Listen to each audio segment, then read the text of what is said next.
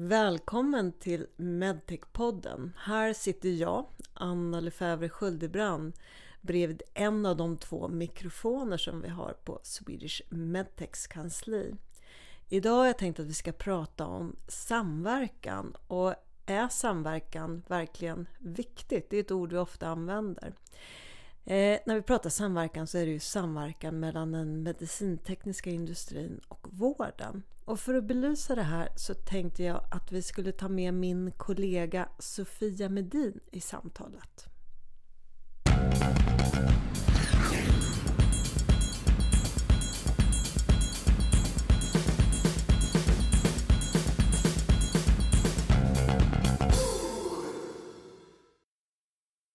Hejsan Sofia! Du kanske kort bara kan börja och berätta vem du är?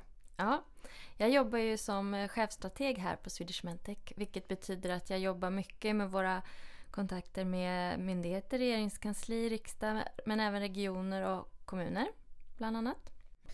Ja, och det låter ju som du då har kanske den helt perfekta bakgrunden för att kunna prata lite med mig om det här med medtech i vården. Och den här första frågan som jag funderar lite över det är vi pratar vård eller vård och omsorg, men vad är det faktiskt vi pratar om då? Ja, men när vi använder uttrycket vård och omsorg, då det vi lägger i det ordet, det är dels eh, hälso och sjukvården och primärvården som regionerna ansvarar för. Men det är också äldreomsorg och eh, viss hemsjukvård som kommunerna ansvarar för. Och det är också den vård som har både offentlig och privat utövare som, som vi räknar in i det. Så att när vi använder det här uttrycket vård och omsorg då får man tänka in hela det här paketet om man säger så. Ja, det, det betyder att det är väldigt, väldigt många vi pratar om som antingen arbetar eller som får hjälp inom vård och omsorgen. Precis. Ja. Ja, då, den andra frågan här det är ju det, det här medtech i vården. Hur möter personal och patient medicintekniken egentligen? Ja, egentligen medicinteknik är ju väldigt, väldigt mycket och det är väldigt brett. Men om man då tänker lite på vilka olika delar, om man nu är en vårdpersonal när man möter medicinteknik så är det ju dels, eh, och då, nu tänker jag då också kopplat till samverkan. Eh, det är dels i utvecklingen av ny medicinteknik men det är också när man behöver ta fram eh, data, man behöver ta fram eh, information om en produkt innan C-märkning. Det kan vara inom kliniska studier. Men det är också sen när man väl för in en färdig produkt så behöver man ju service, kunskaper, man behöver utbildning och sen också uppföljning. Så att i alla de här olika stegen, i, i, om man tänker en medicinteknisk produkts livscykel, så möter man ju vården. Ja, för, alltså, lite måste jag ju säga det. Samverkan, jag har jobbat ganska många år och det känns som jag har sagt det ordet väldigt många gånger. Det känns som ett ganska uttjatat begrepp. Är det verkligen så viktigt med samverkan? Jag håller med dig om att det är ju många, framförallt höga beslutsfattare som, som använder ordet samverkan hela tiden. Och må, alla är ju för det. Det går ju inte att vara emot samverkan för det är ju bra. Men sen när man går ner på vad det faktiskt betyder när verkligen det enskilda företaget ska möta en, en klinik till exempel, då kan det ibland vara svårare. Och eh, samverkan är helt avgörande verkligen för att man ska få både fram nya medicintekniska produkter och också därmed nya behandlingar och också få utveckling i hälso och sjukvården. Jag funderar på om vi kanske skulle kunna rita lite bilden. Vad är det vi pratar om när vi pratar om samverkan och utveckling? Eh, ett, ett konkret exempel. Ja. Eh, till exempel så många gånger så är det ju att man har upp ett, ett behov eller ett problem som man har märkt i, i sjukvården. Det kan vara av av sjukvårdspersonal, det kan vara anhörig, det kan vara patienten själv eller, eller liknande. Och man vill hitta en lösning på det här eller något som kan förbättra för patienten. Och många gånger så, när man, så är det liksom när man möter olika kompetenser som man kommer på de här lösningarna. Vi har exempel där det är till exempel läkare eller medicinskt kunnig eh, person som i kombination med en annan person då som har mer teknisk bakgrund eh, hittar lösningar. Jag tror du Anna, du brukar prata om något exempel kopplat till pacemakers. Ja men precis. Jag tycker om att prata just om pacemakern eftersom det är en av de här svenska innovationerna i den medicintekniska historien. Och där är det ju oerhört intressant att titta på hur pacen utvecklades. För att det var väldigt tydligt ett samarbete mellan en, en läkare och en patient naturligtvis. Men också faktiskt en eh, industrirepresentant och en anhörig. Och hur eh, man gick ifrån att ha ett olösligt problem kan man säga till att ha en produkt som faktiskt inte fungerade så bra alls. Men med de här förändringarna så fick man en pace som första gången kanske bara fungerade 15 minuter eh, och andra gången en eller två veckor. Men idag har vi pacemaker som fungerar i flera år och att det är väl precis det som vi pratar om när vi pratar att utveckla produkter i samverkan. Absolut. Och, och också kan jag vilja trycka på det här att när produkten är färdig och klar som man säger. Och den det, med medicinteknik så fortsätter många gånger utvecklingen. Man uppdaterar en programvara eller man behöver se något ytterligare behov som man vill justera som kan vara mindre karaktär. Och det, därför så är ju det här samarbetet mellan vården och företaget fortsatt, det är viktigt hela tiden.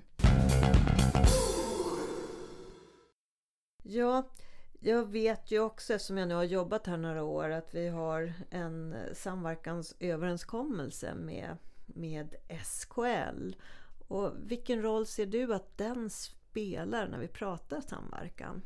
Ja, det är bra att du tar upp den, för att den, den är ju ett tecken på att man liksom ändå har ett regelverk för och hur man får samarbeta och samverka. Och just den här samverkansöverenskommelsen den gäller då när produkten redan är CE-märkt och klar och är på marknaden. Alltså den rör inte hur utvecklingsfasen ser ut men, men när väl produkten är köpt och upphandlad och finns på marknaden.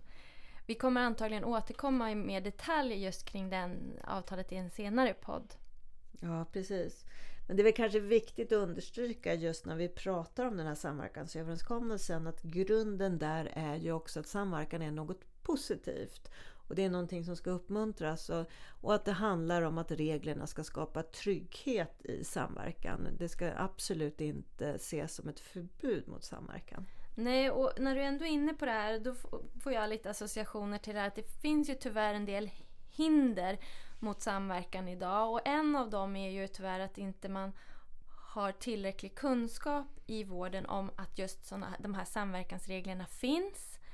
Och man känner eh, också en viss oro många gånger som sjukvårdspersonal vad man, vad man får göra och inte göra och, och, när man får prata med företag och inte.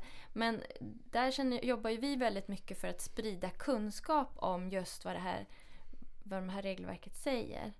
Eh, ytterligare, om man ska titta lite på vad, vad, vad som ibland kan vara svårt så är det ju kopplat till att vi ser ju tyvärr fortfarande att det finns en viss beröringsskräck från vårdens sida gentemot mot företag. Och många gånger kan det säkert också hänga ihop med att man inte har tid att lägga på samverkansprojekt också från vårdens sida. Mm. Ja, jag funderar på det för det, det framkommer ju ibland en del kritik så att säga mot eh, branschen, den medicintekniska branschen i det här att eh, hur produkterna eh, faktiskt kommer till marknaden.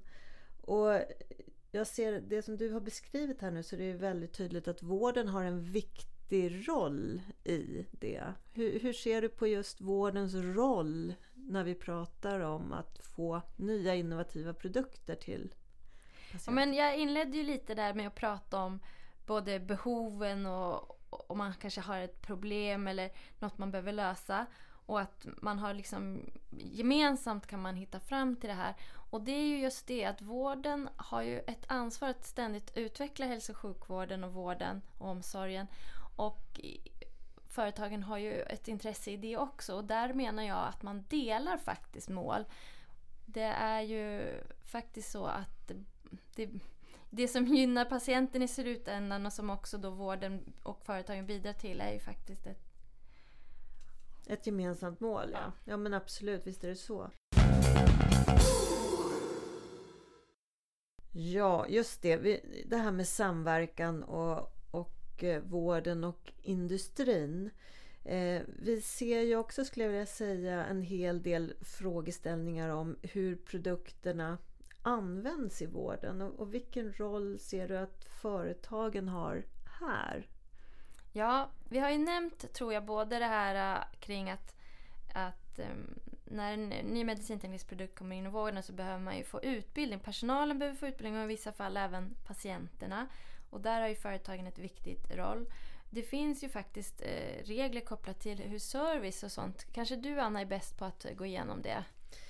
Ja men precis, det, det är ju om vi just återknyter till det här samverkansavtalet eller samverkansöverenskommelsen så finns det ett begrepp som kallas serviceinformation i det här avtalet. Och eh, det handlar ju egentligen om det krav som finns eh, på alla tillverkare av medicintekniska produkter.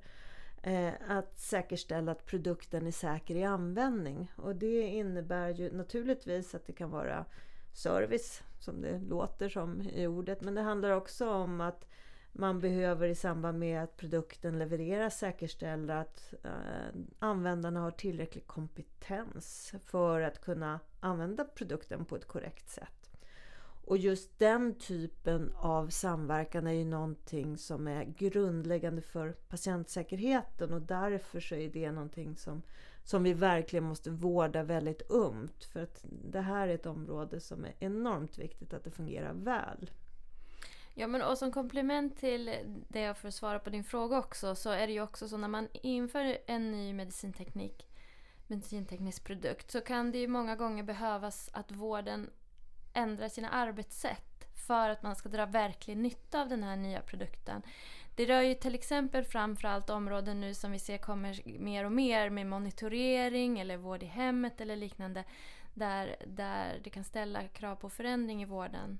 Och där är det ju väldigt viktigt att, att företagen och vården möts så att man liksom kan anpassa produkter också efter arbetssätt och arbetssätt till det. Mm. Ja, vi har, vi har ju pratat lite, du har varit inne på det här med hinder för samverkan, att det är problematiskt. Men har du lösningar, idéer om hur man skulle kunna underlätta för samverkan? Ja, men när jag tänker efter själv så tänker jag så här, men man behöver ju veta vad som gäller och vad man får. Och där finns ju faktiskt redan idag ett, ett regelverk som fungerar och då gäller det ju bara att så många som möjligt har kännedom om det regelverket. Sen kan man också jobba med, och det gör vi också, med att förbättra till exempel ja, hjälpa till i samverkan med vården att ta fram avtalsmallar när vård och företag ska samarbeta. När det kan kopplas till kliniska studier eller andra, andra typer av, av samverkan. Eh, vi ser ju också att eh, många många regioner har ju såna här innovationsavdelningar som kan vara bra att fungera som länkar lite och också bidra med sin kompetens i mötet mellan vården och företagen. Vi tror också och jobbar mycket för att öka rörlighet mellan både vård och, företag och akademi. Också för att vi ser att man då också får ökad kännedom om varandras vardag, man vet eh, hur, vilka målsättningar man jobbar efter och liknande.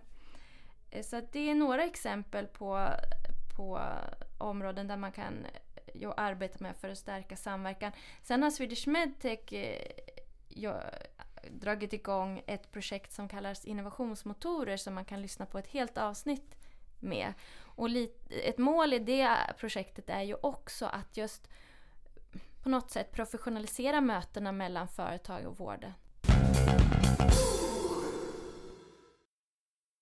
Ja, alltså det känns ju som, eh, jag ställde frågan om det inte är ett uttjatat begrepp samverkan, men, men det är vi väl ganska överens om att det är inte det. Att det här är ett alldeles för viktigt område för att vi ska kunna lämna det bakom oss. Vi kommer att behöva fortsätta arbeta med, med samverkansbegreppet. Eh, jag har en, bara en fundering till för att jag vet att vi har ju pratat mycket trippelhelix tidigare men nu mer och mer så pratar vi kvadrupelhelix. Och vad är det som ligger i det begreppet? Ja men eh, man behöver ju ha då, vi kan ta det igen, det är både vård, man behöver företag och universitet och högskolor och patienterna. Och man kanske till och med ska lägga till anhöriga.